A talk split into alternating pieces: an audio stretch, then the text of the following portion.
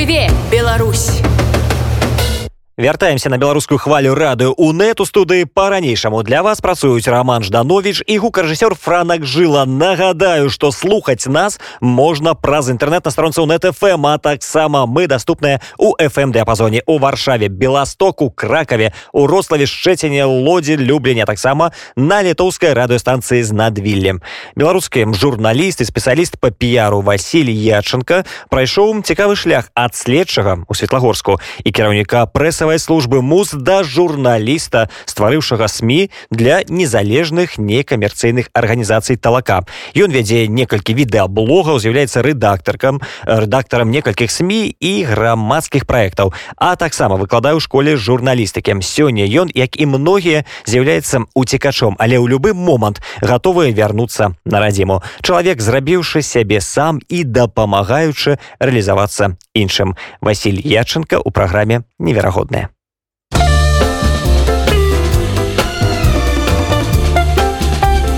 невероятные.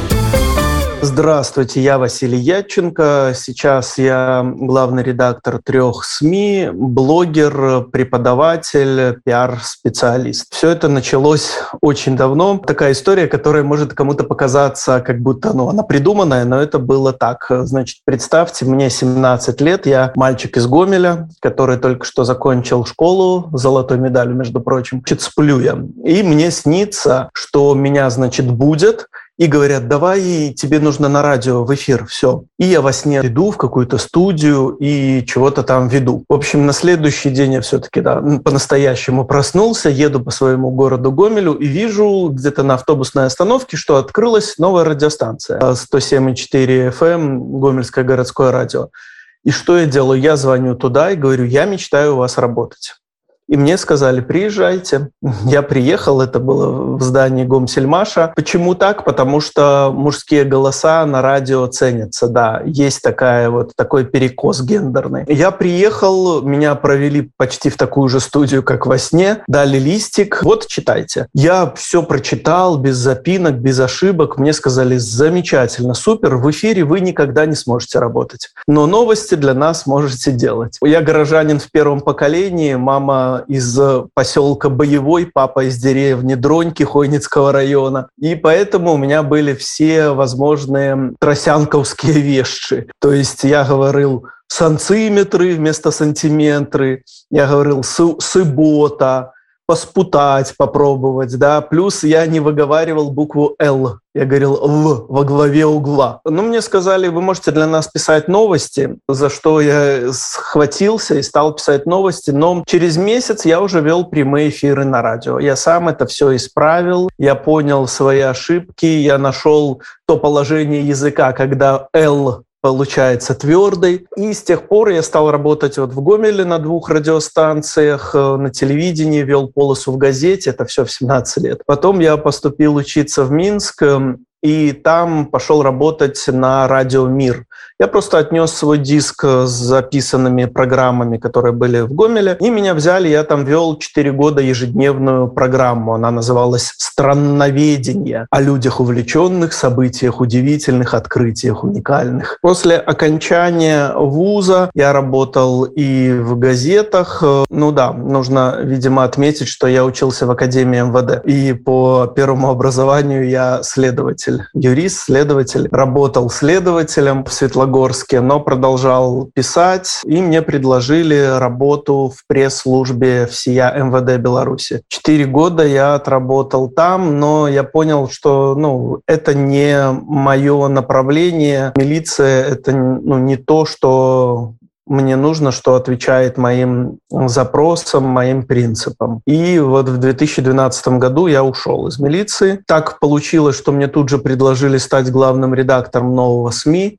Потом мы с моим другом купили журнал. Я был главным редактором первого мужского глянцевого автомобильного журнала. Назывался он «Рулевой» или «Рулебой». Был сайт. По запросу, например, автоновости мы были по Минску первые, по Беларуси третьи. Шла работа, но схлопывался рынок, и мы это все продали. И мне предложил такой Евгений Клишевич, э, у него проект «Толока» BY, замечательный просто проект сделать СМИ, стать главным редактором нового СМИ, который будет рассказывать об активистах, о благотворительности, о корпоративной социальной ответственности, ну и в основном о некоммерческих организациях, о так называемом третьем секторе в Беларуси. Мне все это было интересно, и стали создавать вот такое СМИ при помощи Жени его команды, придумали концепцию, и получилось действительно очень полезное СМИ. Мы видели, как это необходимо нашим некоммерческим организациям, про которых классические СМИ мало рассказывали и не умели рассказывать. Потому что для журналиста его день — это такой круговорот событий, когда с утра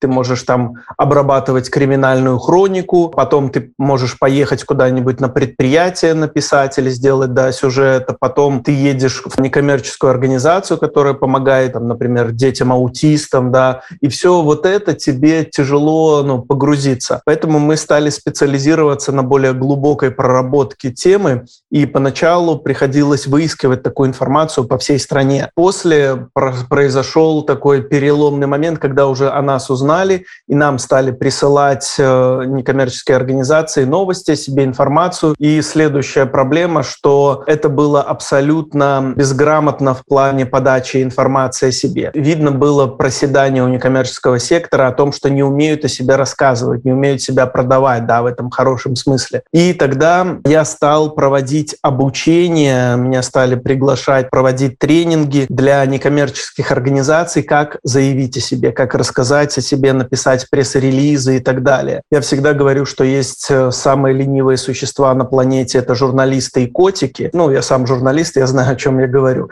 Поэтому, чтобы о вас рассказали, нужно максимально сделать всю работу за журналиста качественно, и тогда Ctrl-C, Ctrl-V. Ну, это я, конечно, упрощаю, но если все будет проделано правильно, то больше шансов, что о вас напишут и так, как э, нужно, правильно напишут. Потом меня пригласили в газету «Белорусы рынок» одновременно. Я был там редактором отдела экономической политики. Затем позвали в ЮНИСЕФ. Я был консультантом э, ЮНИСЕФ в Беларуси вместе с командой мы создавали информационную стратегию по ЗОЖ, по здоровому образу жизни, рекомендации для СМИ, как правильно писать, как вырабатывать. Также я работал в зеленой сети нашей пиарщиком, плюс еще в организации партнере Европейского Союза в Беларуси я занимался пиар.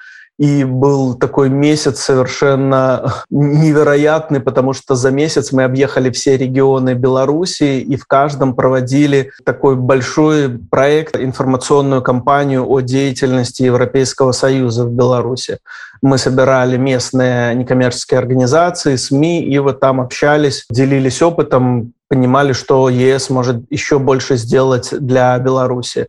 Тогда же я стал преподавать. Ну, могу сказать, что еще когда я работал в пресс-службе, я получил второе высшее образование, это журналистика. Меня пригласили преподавать и в БГУ. Я там э, на кафедре коммуникации у Ирины Владимировны Сидорской э, вел свои авторские курсы и по пиару, и по коммуникации. Также прошел, помню, собеседование собеседование с Питером, и меня взяли преподавать в филиале Минском Санкт-Петербургской школы телевидения. Это международная школа профессий. Ну и как-то все оно одно на одно. Я продолжал работать. Появился еще один интереснейший проект «Гендерный». Там э, я как главный редактор э, занимаюсь э, освещением гендерной проблематики, работы с уязвимыми группами населения. Это благодаря такой организации, как «Журналисты за толерантность». Много чем занимаюсь. Действительно, последнее как-то я такой как играющий тренер и преподаю очень много. У меня курсы по видеоблогингу, по журналистике, радиоведущие, телеведущие, поскольку у меня была работа на четырех телеканалах и на, по-моему, пяти радиостанциях по итогу я поработал. Веду видеоблоги в общей сложности пять разных видеоблогов на разную тематику. Мой один из э, самых таких них приятных — это кулинарный блог, он называется «Вкусно в Беларуси» с Василием Ядченко. Это от платформы «Добрый канал». Очень классная платформа, когда бывшие сотрудники госсми после августа 2020 года покинули свои редакции и создали такую вот интересную платформу, площадку «Добрый канал». Очень советую. Недавно, с 29 июля, я переехал в Киев, понял, что это нужно сделать. Не вдаваясь в подробности, скажу, что мне из разных источников посоветовали это сделать. И здесь я очень хорошо себя чувствую, несмотря на все, чем могу, помогаю. Я стал здесь пиар-специалистом нового проекта. Он называется «Здоровье за решеткой». Это проект, который помогает людям, отбывавшим административный арест за последние вот, э, полтора года, восстановить их право на охрану здоровья. Мы предоставляем психологические, юридические, медицинские консультации, оказываем помощи, сопровождения для людей, которые отбывали административный арест, и их права были нарушены. В Киеве я активно работаю, преподаю. А, вот та Санкт-Петербургская школа телевидения, она сделала ребрендинг, теперь это Международная школа профессий, и меня в Киеве пригласили в местном филиаре преподавать. Плюс э, буквально недавно меня взяли на работу в издание gordon.ua.com. Это издание Дмитрия Гордона. У них была вакансия, где было написано, что необходимы политические журналисты. Я, скажем так, сделал им встречное предложение. Написал, что готов для них организовать видеоконтент на сайте. То есть у них это направление проседало, и я выкатил им предложение, что я могу делать, так называемое caption видео по их материалам, ну и другие виды контента. Интересная история. Я взял статью у них э, на сайте и по ней тут же сделал такое caption видео, смонтировал, обработал, прикрепил и отправил вместе со своим резюме. На следующий день ко мне в друзья добавилась Олеся Бацман, это жена Гордона и главный редактор портала. И после этого со мной связались, и вот сейчас я ежедневно делаю для них такой контент. В целом все хорошо, но в Минске, конечно, осталась моя семья. Это жена, ребенок и мой кот, которого зовут пес Арбуз. Мы созваниваемся ежедневно по Зуму, по видеосвязи, но, конечно, это не то. Свою нынешнюю ситуацию я воспринимаю по известной фразе. Нет ничего более постоянного, чем временное, но при этом я, конечно, готов в любой момент вернуться в Беларусь и строить отличную Беларусь будущего. А вы знаете, вот буквально сегодня я проснулся с мыслью, а как я буду встречать Новый год? И внутренняя пауза повисла. А что делать в Минске, в родном, да, или в Гомеле? Таких проблем не возникало. Была проблема блин, а в какой компании встретить, да, большой выбор. Здесь ситуация совсем другая, но я уверен, что у нас здесь тоже будет что-то интересное, и мы вместе хорошо повеселимся.